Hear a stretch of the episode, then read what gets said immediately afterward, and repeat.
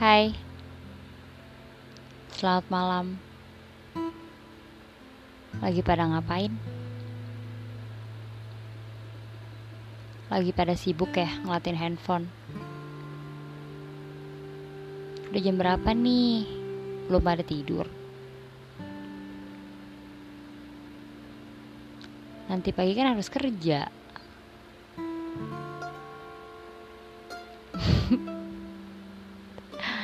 Gue udah kayak pasangan kalian belum? Hai, gue Alifa. Kembali dengan gue podcast Alifa di sini. Gimana hari ini? Capek gak? Apa-apa kalau capek, gue juga capek kok. Capek abis jalan-jalan ya? Atau capek abis ngeliatin WhatsApp? Tapi nggak ada chat dia.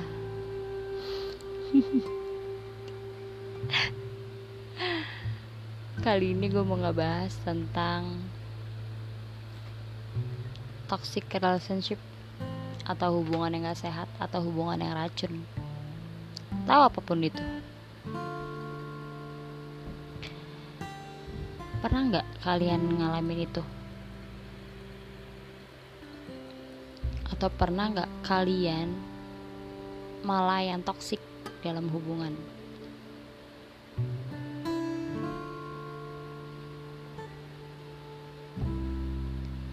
Jadi kali ini gue mau gue mau uh, cerita. Tapi kali ini bukan pengalaman gue. Ini pengalaman temen gue. Namanya gue samarin aja jadi melatih karena mawar udah bosen jadi melatih aja. Jadi temen gue pacaran sama cowoknya udah lima tahun. Dia dari awal tahu kalau dia ngerasa kalau hubungannya dia sama cowoknya ini toksik tapi karena sayang jadi ya udahlah jalanin aja gitu sampai akhirnya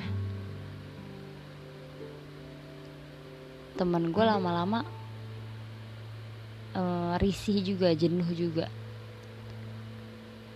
Hubungannya makin parah makin gak bisa dikontrol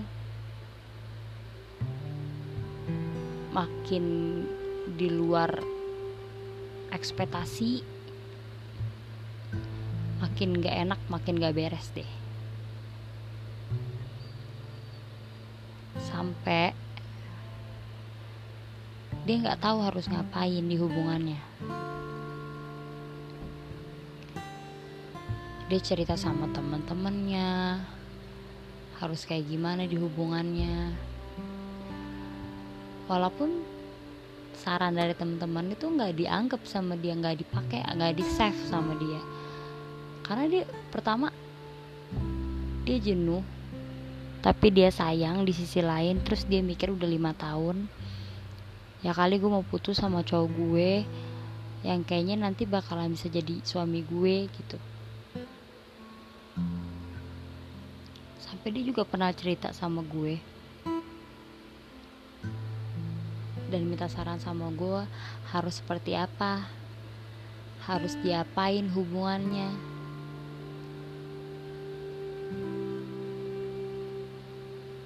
gue cuman bisa bilang saat itu sama dia kalau lo udah ngerasa nggak bagus udah ngerasa nggak sehat ya ngapain diterusin? Ya mungkin gue nggak ada di posisi lo. Tapi gue pernah di posisi lo itu nggak enak. Lo sama aja nggak nggak sayang sama diri lo sendiri sama aja lo nyakitin diri lo sendiri. Mungkin nggak ada yang lebih parah ya. Karena menurut gue kalau udah toksik semuanya parah. Nggak bisa dibanding bandingin luka gue luka dia nggak bisa.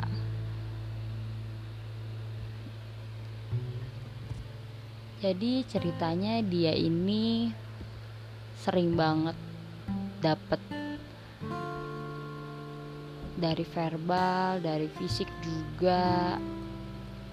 Mungkin kata-kata yang gak harus dikeluarin gak harus yang gak harus diomongin diomongin sama laki-lakinya ke dia.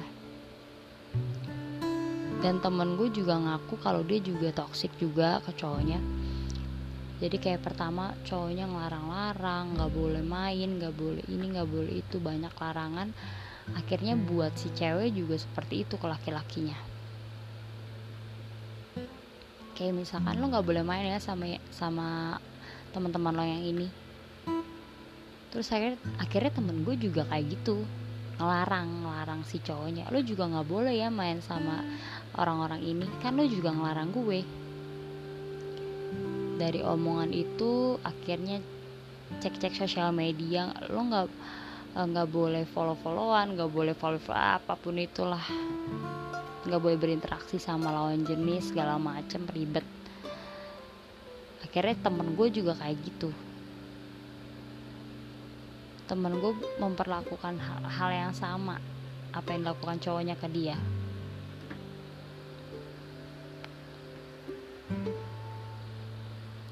Ini emang udah toxic banget.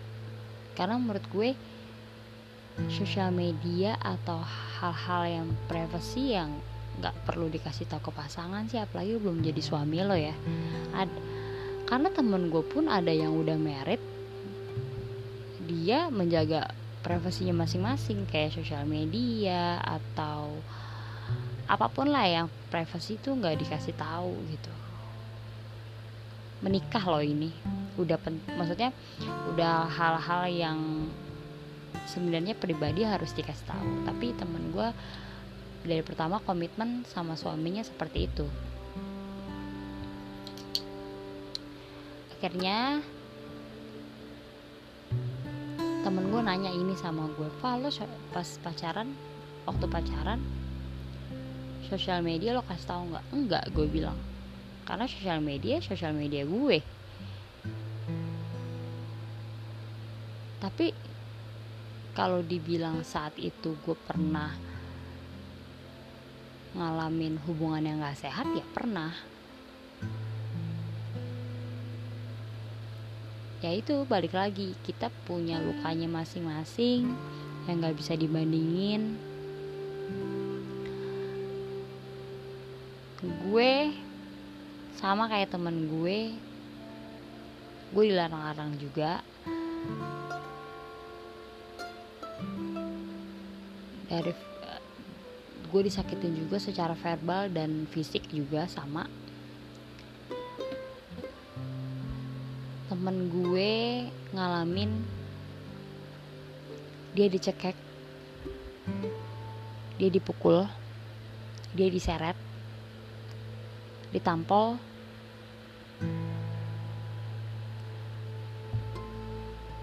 Ya mungkin kalian dengarnya kayak kesel sama gue juga karena pernah gue juga pernah ngalamin itu kan. Jadi secara nggak langsung gue juga tahu rasanya gimana sakitnya gimana gitu.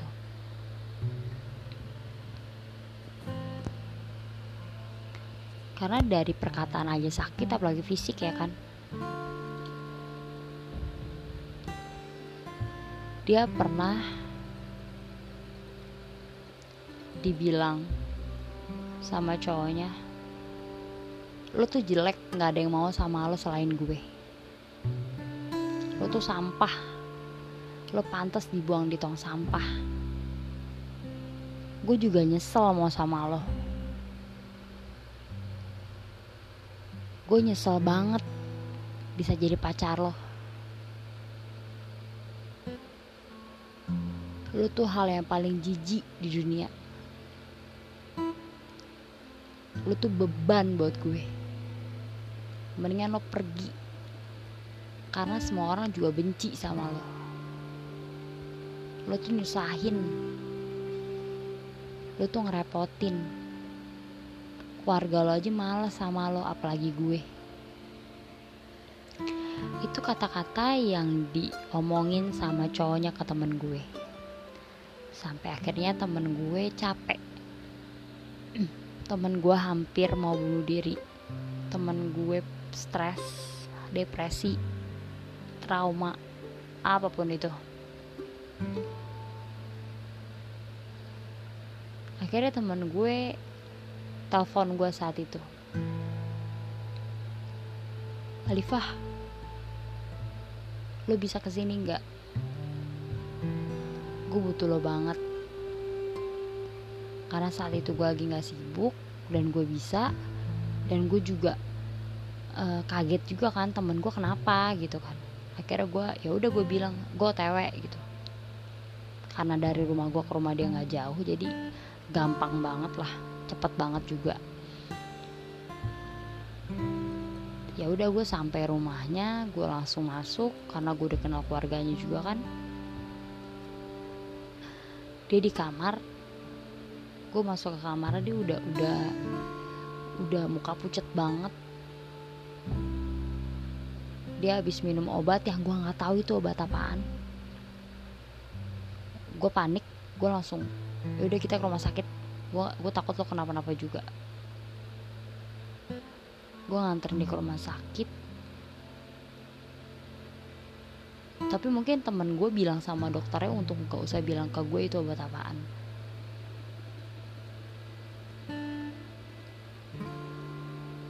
ini ini loh yang maksud gue yang kayak kalau lo dari awal udah tahu hubungan lo nggak sehat ya nggak usah dilanjutin. Udah toksik udah udah parah banget udah bikin mental lo malah jadi hancur ya udah nggak usah dilanjutin gitu. Karena menurut gue banyak masih banyak perempuan masih banyak laki-laki yang lebih sehat otaknya lebih bisa menghargai lo sebagai manusia lebih bisa menghargai lo sebagai orang yang harus dihargain. Ngapain masih dipaksain? Ya insya Allah lo bisa dapet cinta dari yang lain juga.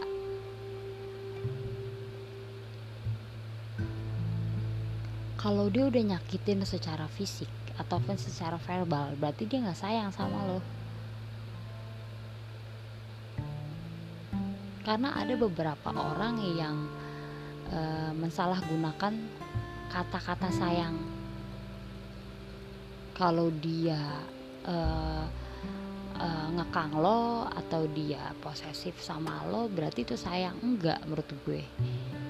Karena kalau sayang lo nggak ngekang satu sama lain lo nggak nggak posesif satu sama lain lo lebih percaya dia, dia melakukan aktivitas apa pun entah pekerjaan entah lagi aktivitas sama keluarga entah sama temen-temen.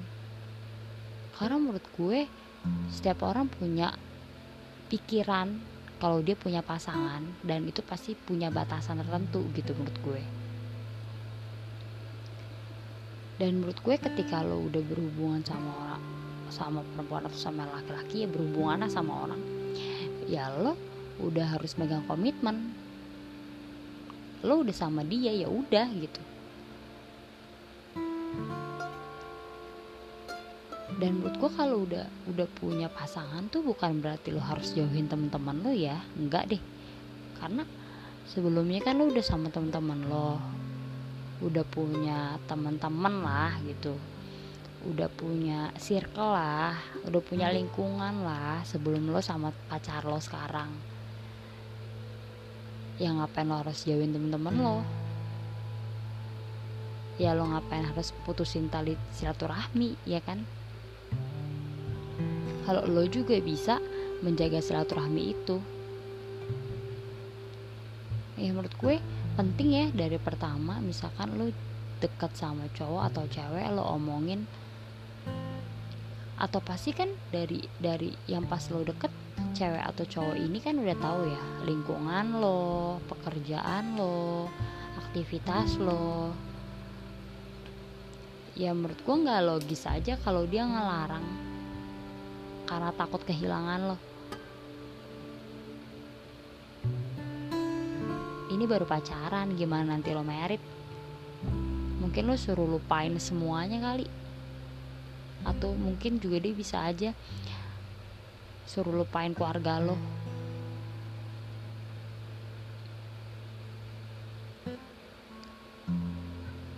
Please deh untuk aware sama diri sendiri. Untuk sayang sama diri sendiri deh. Stop lah buat nyakitin diri lo sendiri. Lo udah tahu itu nggak baik udah tahu hubungan yang nggak bisa di dipertahanin tapi lo pertahanin buat cuma buat kata-kata sayang doang.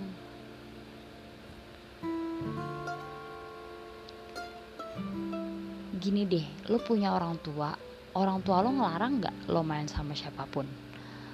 Orang tua lo ngelarang nggak lo lo main ke mana misalkan atau putu, ataupun lo ngikutin aktivitas apa pun gitu? Kalau orang tua lo ngelarang itu masih mending karena orang tua ini orang lain yang baru hadir nih ke kehidupan lo yang seenggaknya belum belum tentu dia jadi suami lo atau belum tentu dia jadi istri lo gitu. Ini gue nggak fokus dengan satu gender ya. Dua-duanya sama menurut gue. Mau laki-laki mau perempuan.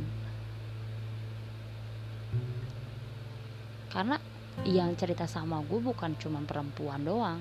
Laki-laki juga cerita sama gue dan intinya kalau udah udah kekerasan secara verbal atau fisik itu udah nggak udah nggak udah nggak udah nggak sehat gitu. Ngapain? Iya gak sih? Lo masih bisa bareng sama orang yang lebih sehat, yang lebih support lo, yang lebih bisa sayang sama lo secara lahir dan batin, yang bisa ngehargain lo sebagai manusia deh, bukan sebagai pasangan, sebagai manusia.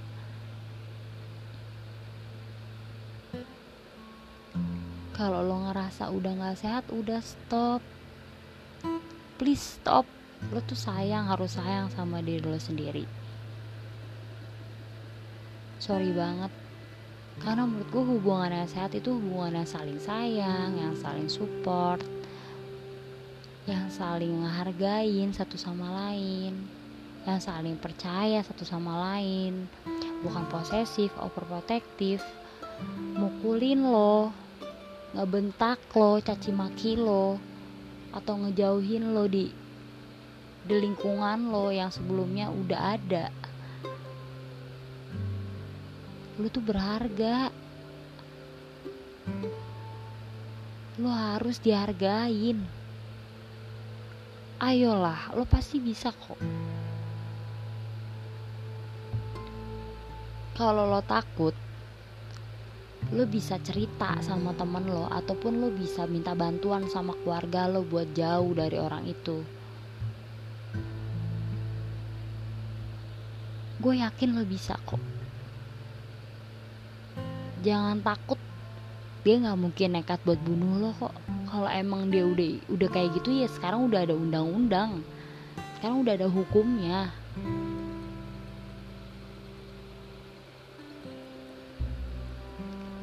please lo harus bisa sayang sama diri lo sendiri. Mau dia bilang lo beban mau dia bilang lo dibenci orang lain mau dibilang lo ngerepotin mau dibilang lo nyusahin gak usah didengerin. Dia kayak gitu karena dia juga punya masalah sama dirinya sendiri menurut gue. Dia juga hancur sama dirinya sendiri. Dia tuh takut takut kehilangan lo doang. Tapi dia sampai lupa caranya buat ngehargain lo juga sebagai manusia sebagai pasangannya. Lo tetap cantik lo tetap ganteng lo tetap anak nyokap bokap lo lo tetap punya keluarga yang support lo lo punya teman-teman yang sayang sama lo. Dengerin ya kalau dia sayang dia bisa menghargai lo sebagai manusia atau sebagai pasangan lo. Kalau dia udah kalau dia udah ngerasa dia kayak gitu dia udah udah stres gitu dia dia, dia kayak sampai mungkin gue nggak tahu ya harus ngomong apa lagi gitu kan. Kalau udah toksik toksik aja menurut gue. Karena hubungan yang sehat nggak gitu kalau ada pembelaan karena gue sayang sama dia. Makanya gue kayak gini sama dia. Saya nggak mungkin mukulin gitu aja sih. Saya nggak mungkin ngata-ngatain lo. Saya nggak mungkin kasar sama lo.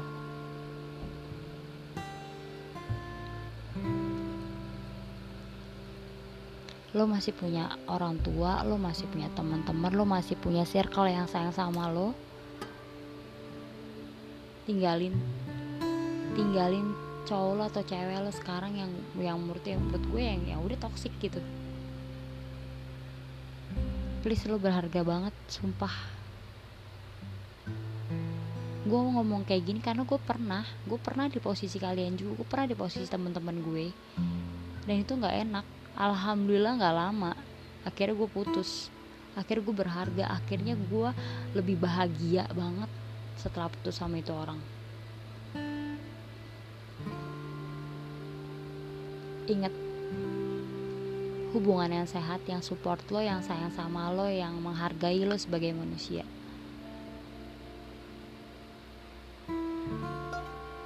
Gue harap kalian bisa keluar dari dari hubungan yang gak jelas yang gak sehat itu ya. Sayangi diri kalian deh gue yakin kalian bisa kok.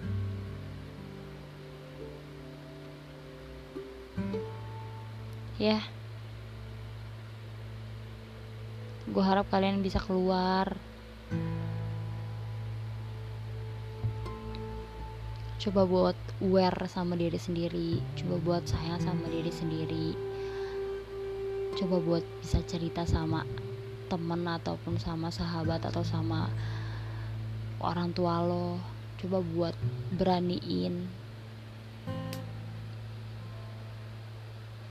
Bismillah pasti bisa kok. Dan percaya sama gue masih banyak yang sayang sama lo. Setelah lo keluar dari hubungan yang toksik itu. Oke kayaknya sampai situ aja podcastnya. Sekali lagi untuk lebih bisa sayang sama diri sendiri ya Kalian berharga kok. Kalian bukan beban. Oke mungkin nextnya gue akan cerita-cerita lagi. Gue harap kalian gak bosen Gue harap kalian suka. Thank you banget udah dengerin podcast podcast gue. Terima kasih banget supportnya juga buat temen-temen gue. Selamat malam jangan lupa tidur. Bye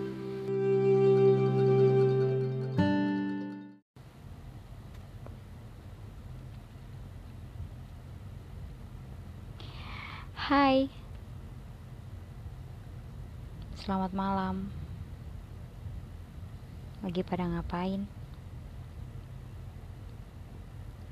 Lagi pada stres ya? Lagi pada capek ya? Bos marah-marah mulu. Stres karena belum dapat kerjaan. Stres chatnya belum dibales. Stres. Orang tua nggak ngertiin. Stres punya temen ngeselin. Stres punya pacar marah-marah mulu. Pokoknya banyaknya. Stres terus nggak apa-apa. Namanya juga manusia. Stres mau wajar. Tapi jangan berhenti.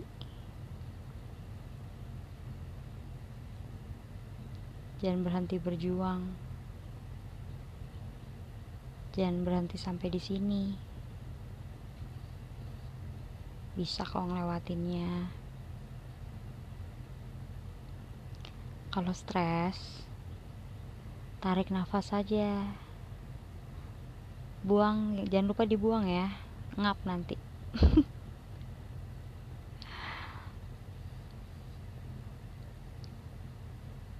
Emang kadang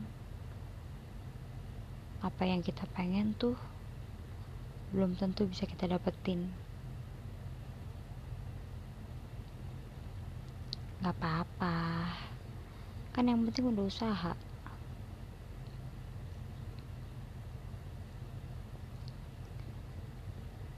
Nggak apa-apa capek. Istirahat aja dulu jangan dipaksain.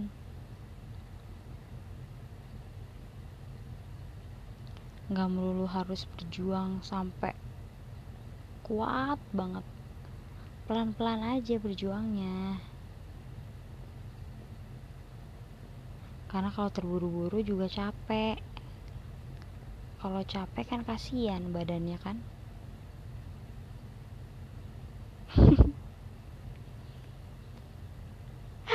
Keren banget emang gue. Kembali dengan gue Alifah di podcast ngoceh bareng Alifah. Kali ini gue mau ngebahas tentang perjuangan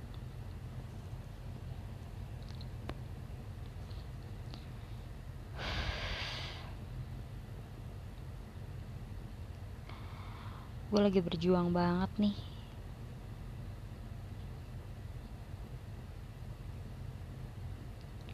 Berjuang sedikit demi sedikit wujudin cita-cita gue.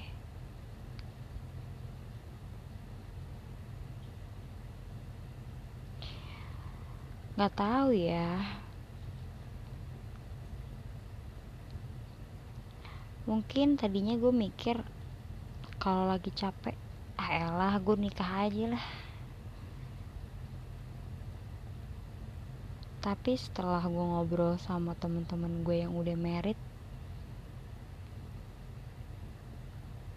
capek tuh istirahat bukan nikah. Karena nikah akan lebih capek lagi. Lo punya dunia baru lagi. Walaupun udah bukan sendiri berdua. Dan pernikahan itu baru mulai itu awalnya awalan. Bukan setelah menikah lu berhenti sampai di situ aja. Enggak.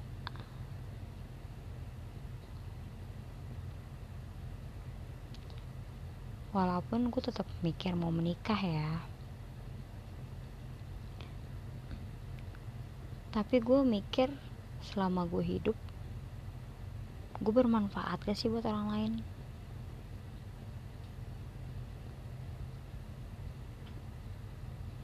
Gue bisa diandalkan gak sih sama orang lain?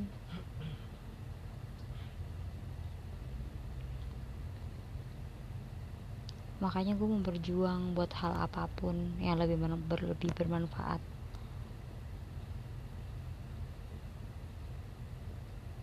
gue mau berjuang untuk keluarga gue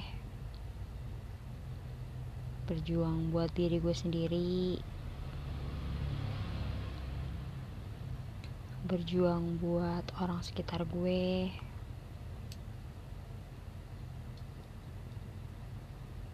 Dan menurut gue nggak ada yang sia-sia ya kalau emang lo ikhlas banget berjuangnya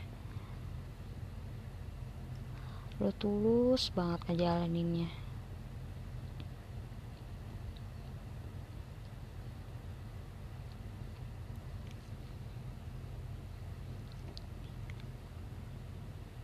Gue juga mau cerita tentang perjuangan seorang bapak yang hidupin ketiga anaknya tanpa seorang istri. Karena istrinya udah meninggal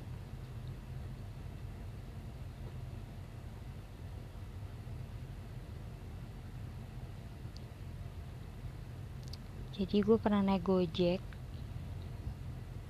Gue pernah ngobrol sama abangnya. Sampai akhirnya gue ketemu lagi tiga kali sama abangnya. Bahkan gue pernah minta izin soal ini. Gue pernah ngomong kayak pak aku ada niatan buat bikin podcast. Podcast tuh ngobrol gitu pak. Boleh nggak kisahnya bapak aku angkat. Boleh katanya dia. Jadi aku udah minta izin.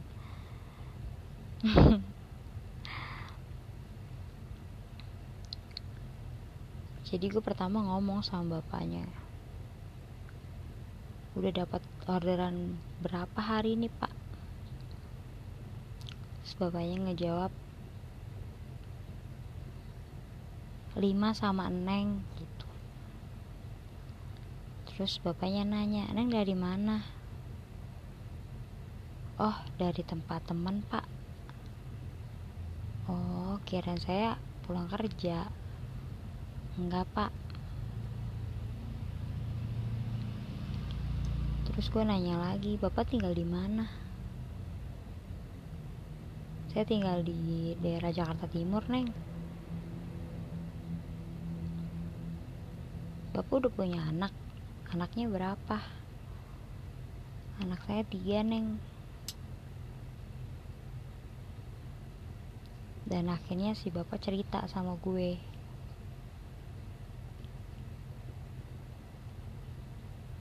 Istrinya meninggal saat anak yang bontot baru lahir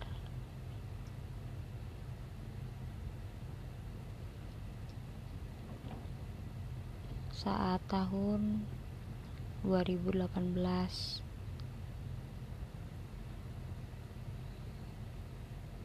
dan dari situ Bapak kehilangan cinta pertamanya dia.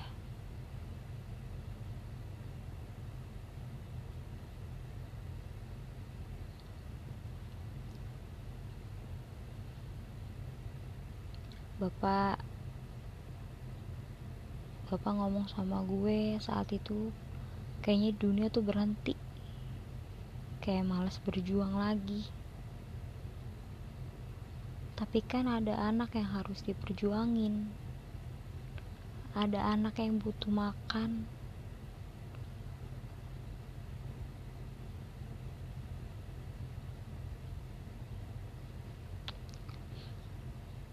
Terkadang gue suka gak bersyukur sama apa yang gue punya. Padahal orang lain bisa lebih bersyukur sama apa yang mereka punya.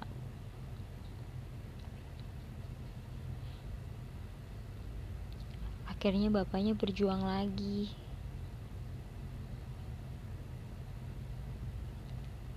sampai bapaknya bisa kuliahin anak pertamanya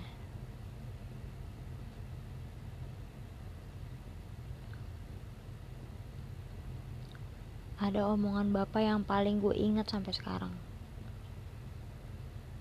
Katanya bapaknya gini.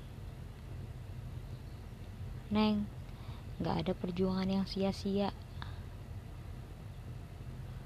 Apalagi udah niat. Dan bismillah Allah selalu dengar apa yang kita doakan apa yang kita niatkan apa yang kita perjuangkan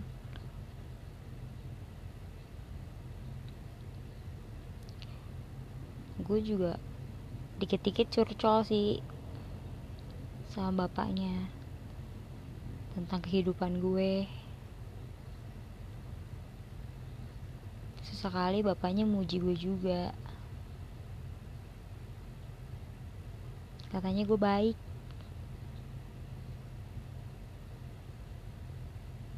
Seneng sih terus gue juga bilang sama bapaknya bapaknya juga baik udah mau diajak ngobrol sama gue. Karena kan gue bete ya kalau di jalan diem doang.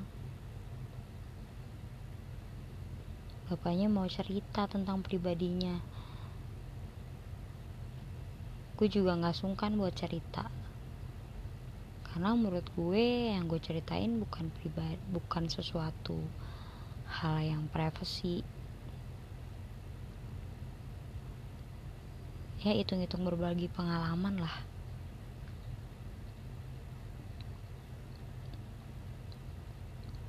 Jadi dari pengalaman bapak ini yang gak bisa gue ambil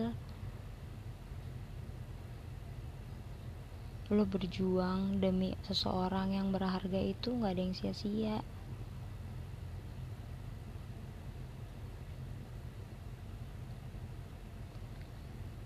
bahkan itu yang bisa dibilang cinta. Bahkan itu yang bisa dibilang sayang. Dan menurut gue perjuangan orang tua itu beneran ada loh.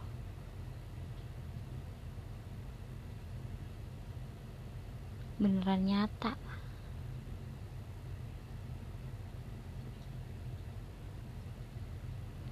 mungkin episode kali ini agak deep ya.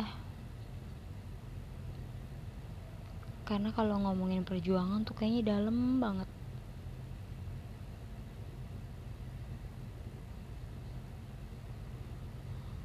Apalagi perjuangan seorang ibu.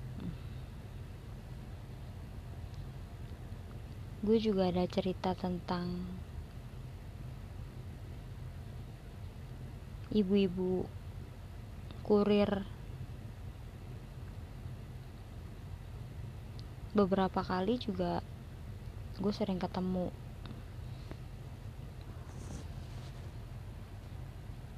Dan emang sering banget antar paket ke daerah rumah gue.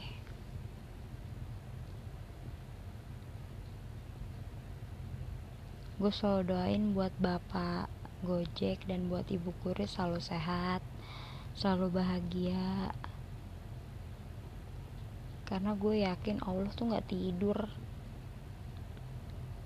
Allah selalu lihat perjuangan hamba-hambanya apalagi yang tulus.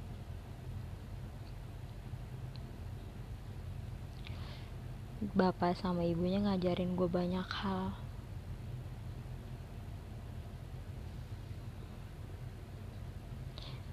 gue tuh anaknya melankolis parah. Jadi kalau ngelihat yang menurut gue ya gitu deh. Sedih aja gitu. Tapi gue salut juga sama perjuangan mereka.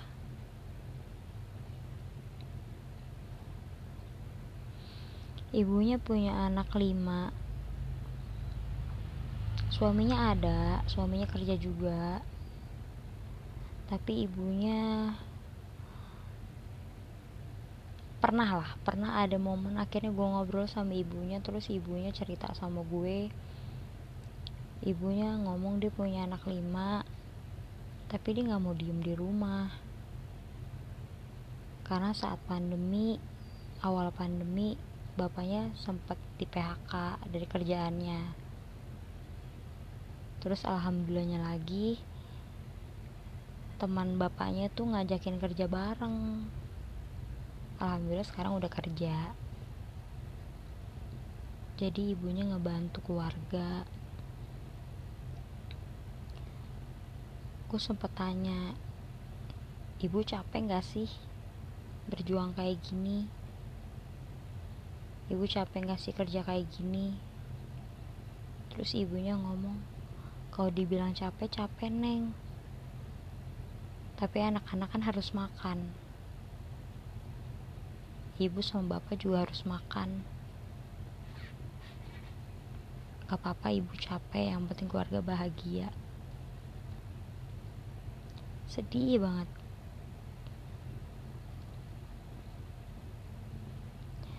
Kita tuh bisa belajar banyak hal dari sekeliling kita tahu dan gue seneng banget ngobrol sama orang yang random ngobrol sama tukang kopi ngobrol sama tukang makanan yang gue datengin ngobrol sama orang yang gak gue kenal di bis di kereta di mana pun yang gue temuin. Walaupun mungkin dari mereka atau dari beberapa orang yang ketemu gue pasti risih deh kayaknya nggak kenal tapi diajak ngomong. Tapi alhamdulillah sih yang gue temuin selalu mau gue ajak ngomong. Walaupun kayaknya mereka awalnya juga males deh atau takut sama gue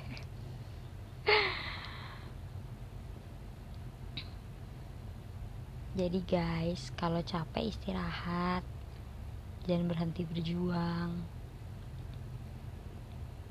Kalau yang lagi berjuang untuk keluarganya sehat selalu. Semangat ya.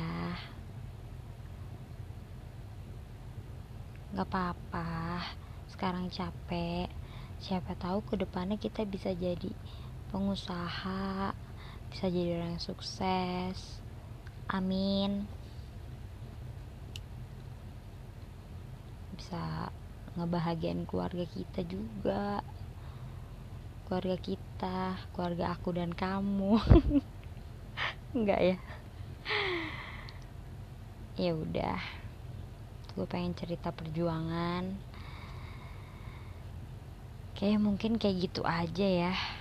Nextnya gue bakal cerita lagi ke kalian tentang apa pun. Makasih yang udah denger ya makasih yang udah luangin waktu buat dengerin podcast gue. Makasih banget. Semoga kalian sehat selalu bahagia selalu. Istirahat ya jangan begadang mulu kayak gue. Jangan lupa olahraga minum air putih. Jangan lupa makan karena nggak ada yang ngingetin lo makan kan? Oke okay, bye